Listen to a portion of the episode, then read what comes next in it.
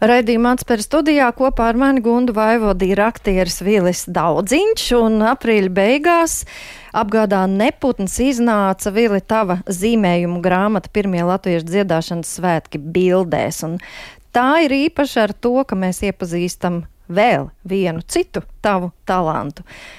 Jo zīmējumi, kā jau esam minējuši, ir tapuši skārienu jūtīgi vietālu ruņa ekrānā. Saka, vai tu zini vispār kādu analogu izdevumu. Nē, es nezinu. Es, nezinu. es domāju, ka noteikti ir zīmēts telefonā un planšetē, bet tad tas arī ir tālāk piedāvāts pasaulē tieši tādā pašā elektroniskā veidā. Vai kāds pēc tam šo zīmējumu ir pārvērts vecajā, analogajā sistēmā, proti, grāmatā, to es nezinu. Nu, tad tu esi tāds inovators nu, man, ziņā. Man patīk domāt par to, ka es esmu pionieris. Jā. jā, bet saka, vai tu atceries vispār pašu? Savu pirmo zīmējumu, jau kad uzzīmēto no bērnības. Varbūt nevienu konkrētu. Man ir tāda daži no savas bērnības atmiņā. Jā, es domāju, ka kuģis. Es domāju, ka kuģis vai laiva ar kaut kādu personāžu iekšā vai bez. Nu, domāts droši vien kaut kādu kapteini vai kaut ko tamlīdzīgu. Nu, jā. Kā jau puika. Jā, jā, jā, man patika viļņi. Nu, tad iedomājies to viļņaino līniju, ja, un tad tāds kuģītis uzzīmēts. Tā laiviņa, ja, nu, es kaut kā tā, man liekas, tas varētu būt mans pirmais zīmējums. Tava bērnība kur pagāja? Man bērnība Rīgā. Rīdzinieks. Jā, jā, jā. Bet no uz jūras. Man, man tēvs ir uh, zvejnieks.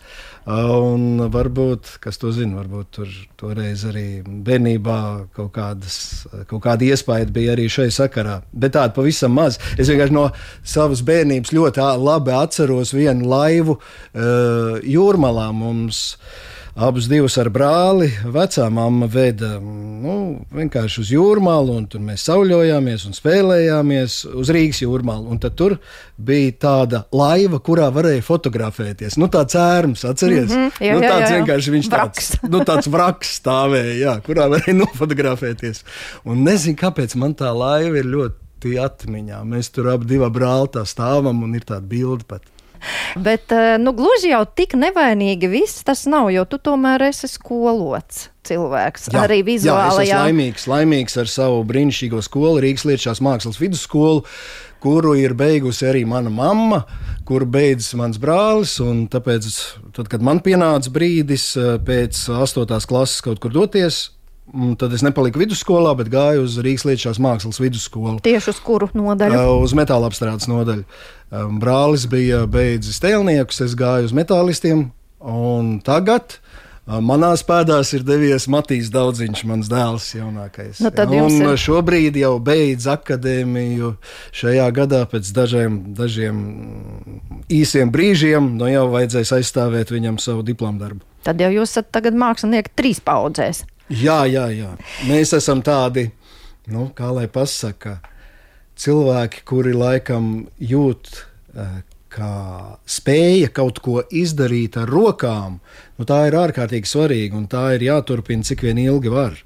Nē, nē, te es nerunāju ar savu vilkšanu ar pirkstu pa ekrānu. te es runāju par nopietnākām lietām, kā piemēram urpšanu, celšanu, krāsošanu un tādām lietām. Jo kā mamma daudz ko prata izdarīt arī tajos grūtajos laikos, padomu laikos, kad daudz kā nebija un vajadzēja improvizēt no nekā, radīt kaut ko vai ne. Eh, tāpat arī brālis un es, un tagad es redzu, ko visu prot Matīs, un tu zini, cik patīkami ir skatīties, ka tu ieraugi, ka tehnoloģiski tas, ko viņš dara es to nemāku. Es to nevarētu izdarīt. Un es saprotu, ka viņš ir ticis krietni tālāk par mani, nu, lūk, šajā jomā, mm -hmm. metāla apstrādes jomā, rotu dizainā un arī domāšanā. Un tā ir ļoti laba sajūta. Bet uz tavas mammas izzīmētajiem zirdziņiem droši vien ir pusi Latvijas šūpojusies, ne? Jā, jā, jā, jā tā runā. Tā runā.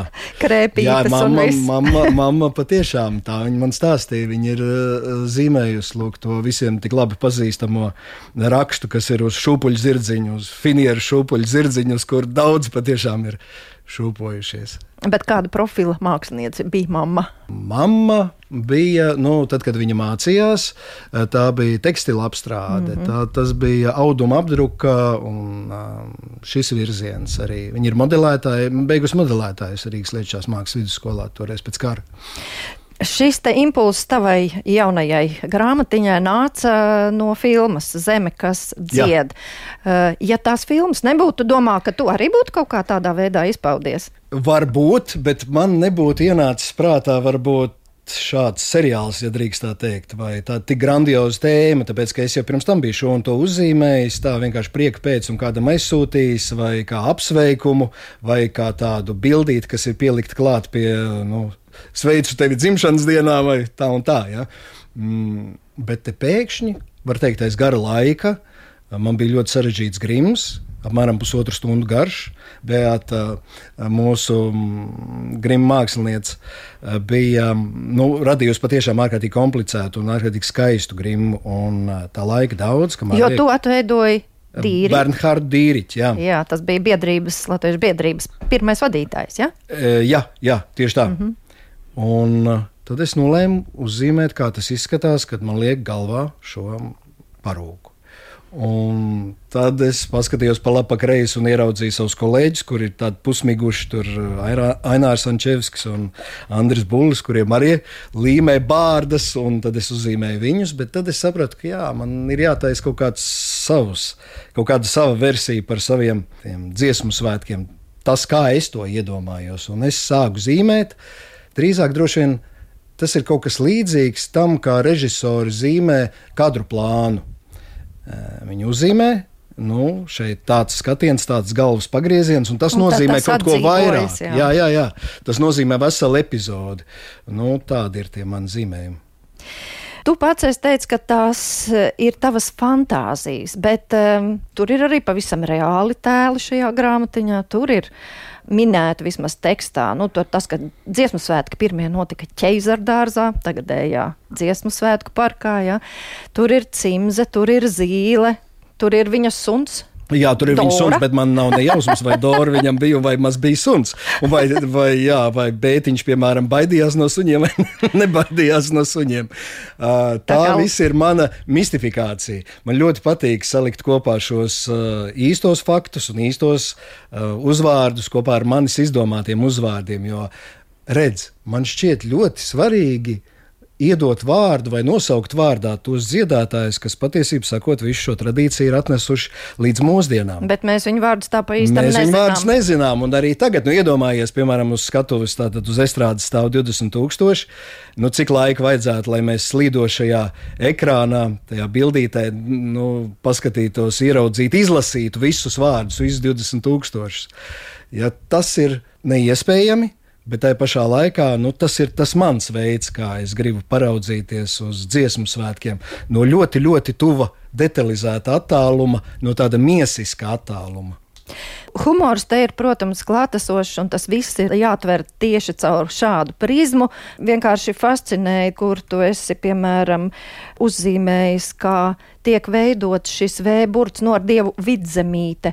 Kā to līdzskani sauca? Lab, uh, labi, labi. dentālais līdzskanis. Piedošanas pirmo reizi tādu vārdu dzirdēju. Jā, nu iedomājies, ka tu saki jā. vārdu v vai burbuļs. Tad zobi ir jā, jā, uz apakšlūpas virsū, tā, un tad stāv tāda veču rinda jā, jā, ar zobiem uz apakšlūpas. Sievai, protams, tur jāpateic Zanei, jo viņa kaut kad eh, pandēmijas sākumā bija uztaisījusi tādu ārkārtīgi jauku mazu tādu kā profesionāļa ieteikumu, ko darīt pandēmijas gadījumos un kā ierobežot siekalu daudzumu, kas izsprāgst no tavas mutes, lai samazinātu saslimstību.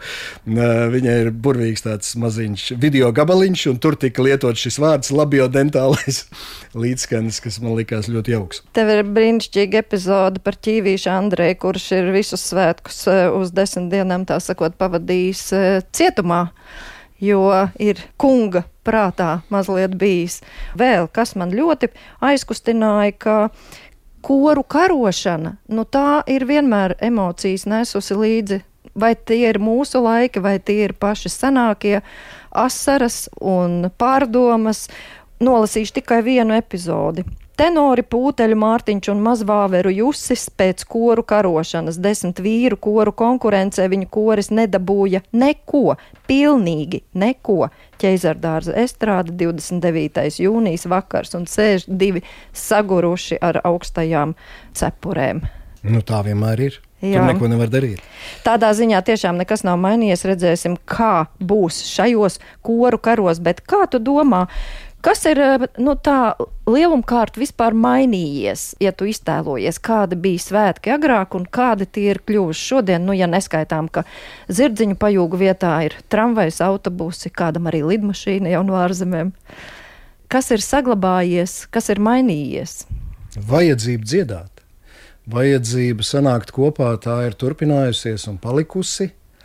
Tad tam nākusi klāt vēl tāda masveidība vai, vai sacenšanās, nu, ka katru gadu aizvien vairāk un aizvien vairāk vajadzētu. Nu, tā, ja mēs raugāmies vēsturē. Un tagad, protams, man ir mazliet baile. Ir, ir, ir. Jo nu beidzot mums ir milzīga estrāde, ārkārtīgi ērti. Es patiešām tur iztaigāju un biju no visām pusēm. Man liekas, tas tiešām ir tāds arhitektūras brīnums un, manuprāt, ļoti ērts. Jā, bet laika mainījušies. Ir tik daudz cilvēku aizbraukuši prom no Latvijas. Tik maz vīru grib dziedāt, un ko nu es te daudz runāšu, es jau pats ar nedziedu. Lūk, tas mans vienīgais veids, kā var piedalīties dziesmu svētkos, ir šī grāmatiņa, bet ar grāmatiņām vien jau nav līdzēts. Ir vajadzīgas tās stiprās lielās balsis. Un kāda tā nākotne mums būs, es nezinu. Eh, es vienkārši ļoti, ļoti ceru, ka cilvēki ieraudzīs šīs tradīcijas milzu vērtību. Tā patiešām ir tāda mūsu identitātes daļa, ko ir vērts turpināt, ko ir vērts saglabāt, ko ir vērts sargāt. Redz, kā lai to paskaidro, nezinu. Zini, kā vienā brīdī man liekas, varbūt kaut kāda kļūda arī bija uh, ar to, ka tas vienmēr tiek pasniegts ar tādu neaprakstāmu patosu, ar tādu pārsvinīgumu, pārcildenumu. Bet mēs taču zinām, ka tam visam ir arī šī otra burvīgā puse. Nu, kā toreiz brauc pa ilgos, tā tagad brauc autobusos un tā gulēšana tur mm, sazina, kur ja skolu sporta zālēs. Tas viss, tā visa ņemšanās ap to un tā sajūsma un negulētās naktis un gājiens un tad pazudušās mantas, un tad gal galā nonākšana, un tas milzīgais saviņojums, kas cilvēkiem ir gan skatoties, gan dziedot. Tieši tā kā ziedonis to saka, viņi atrodas tādā milzīgā enerģijas ķīselī. Un, lūk, tā enerģijas bumba ir tā, kas dod viņiem spēku, ka viņi nenogurst. Ne tie skatītāji, ne tie dziedātāji. Tieši tāpat bija ar mani, kad es skatījos simtgadus svētkus. Mēs abi ar Zanu sēdējām, skatījāmies. Tur nekas nelikās pa garu. Man tas viss ļoti, ļoti patika. Nu, tev bija arī. Jā, mēs bijām sapucējušies. Es atceros to brīdi, kā mēs satikāmies tajā strādē, un Vai jūs abi ar Zani tikko pašūtos glaunos. Mēs bijām tērpos. sapucējušies tā kā pāvi abi divi. un es biju priekš sevis izdomājis tādu valles tērpu. Nu, nav tāda īsti tāda piefiksēta valles tērpa, līdz ar to šī niša bija brīva. tad es izdomāju, kāds tas varētu būt. Paņemot labāko no sēlīs un zemgales, nu, un, nu, un papētot to, kas ir atrodams vietējos muzejos. Savukārt Zanē bija viņas tantes. Rucevs tērps, kāds tantē bija mugurā, kad viņi dziedāja reiteru korī. Tas bija tāda rekonstrukcija. Nu, tāda mēs tur no abi bijām. Bija, tā, tā, tā bija brīnišķīga sajūta. Un mēs varam būt līdzdalīgi. Nu, mums nav visiem jādzied koros. Mēs arī visi nevaram tur būt. Jā, mēs katrs darām savu darbu. Bet tas arī tā kā es Rolandam Kalniņam prasīju vēl vienā no intervijām, kāpēc viņš iet uz dziesmu svētkiem. Viņš saka, bet es nevaru neiet. Jā? Man tur ir jābūt. Lūk, man liekas, ka tā ir arī tāda savstarpējas tolerances veidošana varbūt, jo tur satiekas ļoti daudz un dažādi cilvēki. Jā, un par toleranci varbūt, ka mēs varam tagad pāriet uz nākamo mazliet tēmu. Tu esi ar ļoti spēcīgu dramaturga talantu un daudz strādājis pie jaunā Rīgas teātra izrādēm. Pēdējā un viena no iespaidīgākajām ir Žižeks un Petersons. Bet saki, ko tu iemācījies pats pētot šos abus vīrus un ko tu no šī dueļa esi iemācījies, varbūt, kas noderētu mums visiem? Droši vien to, ka uzvar inteliģence. Uh, neraugoties uz to, kādu uzskatu pārstāvis tu esi, diskutēt ir jāmāk. Un ļoti iespējams, ka nu, tā ir tāda liela problēma Latvijā - diskusija kultūra. Spēja diskutēt, gan uh, tiešā veidā, Nu, gan vēl jau vairāk sociālos tīklos vai dieniņi. Nu, tur ir kaut kāda mums pilnīgi liela, liela, tāpēc, liela nelaime. Tāpēc tu tur neesi. Jā, jā, jā, jā ar kategoriskiem viedokļiem, kur ir nu, tādi praktiski otru iznīcinoši. Ja. Nē, tas ir jāmācās. To ir jāmācās. Un uh, to var iemācīties tikai tad, ja tu daudz zini un ja tu esi empātisks. Ja tu spēj pieslēgties otra domai, otra motīviem, uh, idejai, kāpēc otrs tā domā, un kas viņam ir dārgs. Jo tev taču arī ir kādas dārgas lietas, un viņam ir kādas dārgas lietas. Nu, tad kā jūs varat vienoties? Bet te ir svarīgi nepazaudēt to savu viedokli. Ja? Jo bieži nu, mēs arī tagad radio ļoti daudz saskaramies arī ar pārmetumiem par to, Uh, nu, ne daudz, nepārspīlēšu, bet nu, ik pa brīdim uzplaiksnī, ja, ko mēs spēlējam, un kāpēc to, un kāpēc to, un kāpēc padomi laiki, kāpēc krievu mūzika un tā. Un tad ir svarīgi to savu pašcenzoru nepārspīlēt. Ja? Un to savu domu un viedokli, jo katram taču mums tāds ir, arī nepalikt zem tā masīvā ārpuses spiediena. Jā, jā un tā, tā izēja ir uh, spēt argumentēt. Kāpēc? Kāpēc man ir svarīgi, ka te skan lūk, šīs dziesmas, kas varbūt ir radušās padomju laikā, vai arī gluži otrādi, kāpēc es tās negribu spēlēt? Kāpēc neskatās šādas dziesmas. Ja? Eh, ir svarīgi spēt argumentēt, nevis gribu, negribu, nevis uh, tagad ir tāda laika, ka nē.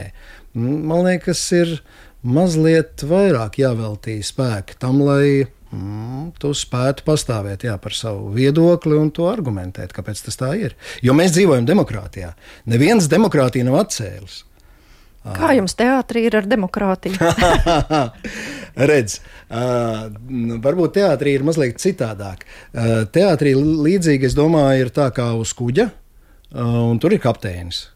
Un nekāda demokrātiska lēmuma uz kuģa, tā sakarā, vai mēs braucam pa labi vai pa kreisi, nevar būt. Jā, nu, vienmēr sakot, tas kuģis stāvēs uz vietas. Tomēr, tad, ja ir mākslinieckais vadītājs, tad mākslinieckajam vadītājam noteikti ir noteicošā loma un vārds par to, kur mēs virzāmies un kā Bet kā cilvēki, jūs taču drīkstat paust savas nu, domas. Domāju, gan, nu, protams, jā. tā ir tā otra jā. brīnišķīgā puse, uz ko mēs tiekam aicināti un ko vienmēr. Alvis uh, ir um, nu, mūsos provocējis lūk šo pašradīšanu. Būt pašiem par dramaturgiem, radīt pašiem materiālu, meklēt pašiem materiālu un pašiem uh, darīt un likt uz skatuves to, kas pašus interesē. Respektīvi, tā ir kaut kāda tāda drosme ņemt tēmu no dzīves un pārvērst mākslas faktā. Jā, jā absolūti demokrātiski. Tas, ko tu vēlies, to tu arī dari. Jūs, protams, esat viena no visu laiku spēcīgākajām latviešu teātra trupām. Tavi vienaudži, kas jūs bijāt, jā, un Alvis eh, kādā mm, intervijā laikam bija izteicies, ka garā dzīve ir viena no visu laiku labākajām izrādēm, un tā tiešām bija.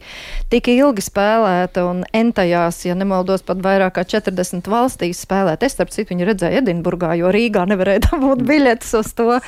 Bet saka, vai tev arī ir tāda tava visu laiku labākā izrāde, vai to nav iespējams teikt? Un... Kas par Hausers? Tomēr. Jā. Lai cik dīvaini arī nebūtu, un ļoti pat labi par to parunāt tieši radio klasika, jo tur es spēlēju klavierus, ko es nemāku. Un um, Jēkabs Nīmans bija mums katram tur izdalījis tādu mazu partiju, un man bija, nu, es nots arī nespēju pierakstīt. Es vienkārši uzzīmēju visu klaviatūru, iedomājos visu klaviatūru, un tad piezīmēju 1, 2, 1, 2, 2, 1. Nu, tim, tim, tim, tim man ir jānospiež kaut kādā secijā, secībā, teiksim, pēc uh, Regīnas, ka tā ir nospēlējusi kaut kādu savu daļu, vai uh, nu, jāiestājas. Un es pirmo reizi sajūtu, kā tas ir būt orķestrī. Nu, kā tas ir, cik šausmīgi ir, ja tu kaut ko sajauc, un cik brīnišķīgi, ja nesajauc. Ja tu skani kopā ar citiem. Un nu kas parā Hauzerā mēs mm. bijām ar aizklātām sejām, mēs bijām anonīmi. Mēs bijām leļu vadītāji un vadījām šos mazos cilvēciņus uz skatuves, vai arī sēdējām pie klavierēm un spēlējām debesī mm, pēdas sniegā, uh, Jākab Nīmaņa pārlikumā mums. Un tur centrā bija Mārs Liniņš, kurš no mums jau sen, sen aizgājis ir, un ir viņa saulē, bet brīnišķīgs, apbrīnojams noslēpumains aktieris.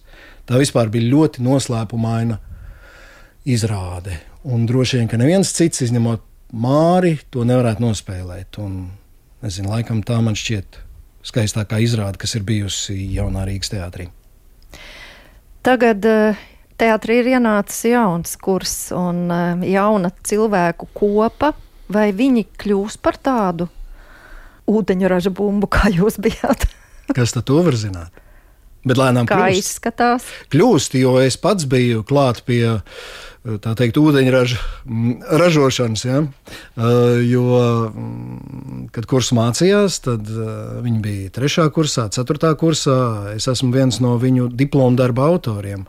Tie bija jaunie latviešu stāsti, kur uh, es biju režisors, pirmo reizi režisora lomā, vai drīzāk skolotāja lomā, un aicināju viņus meklēt dzīvēm Eh, sev um, prototipus un tad mēģināt šos cilvēkus nospēlēt uz skatuves. Tieši tāds pats uzdevums bija toreiz mums pirms vairākiem gadiem.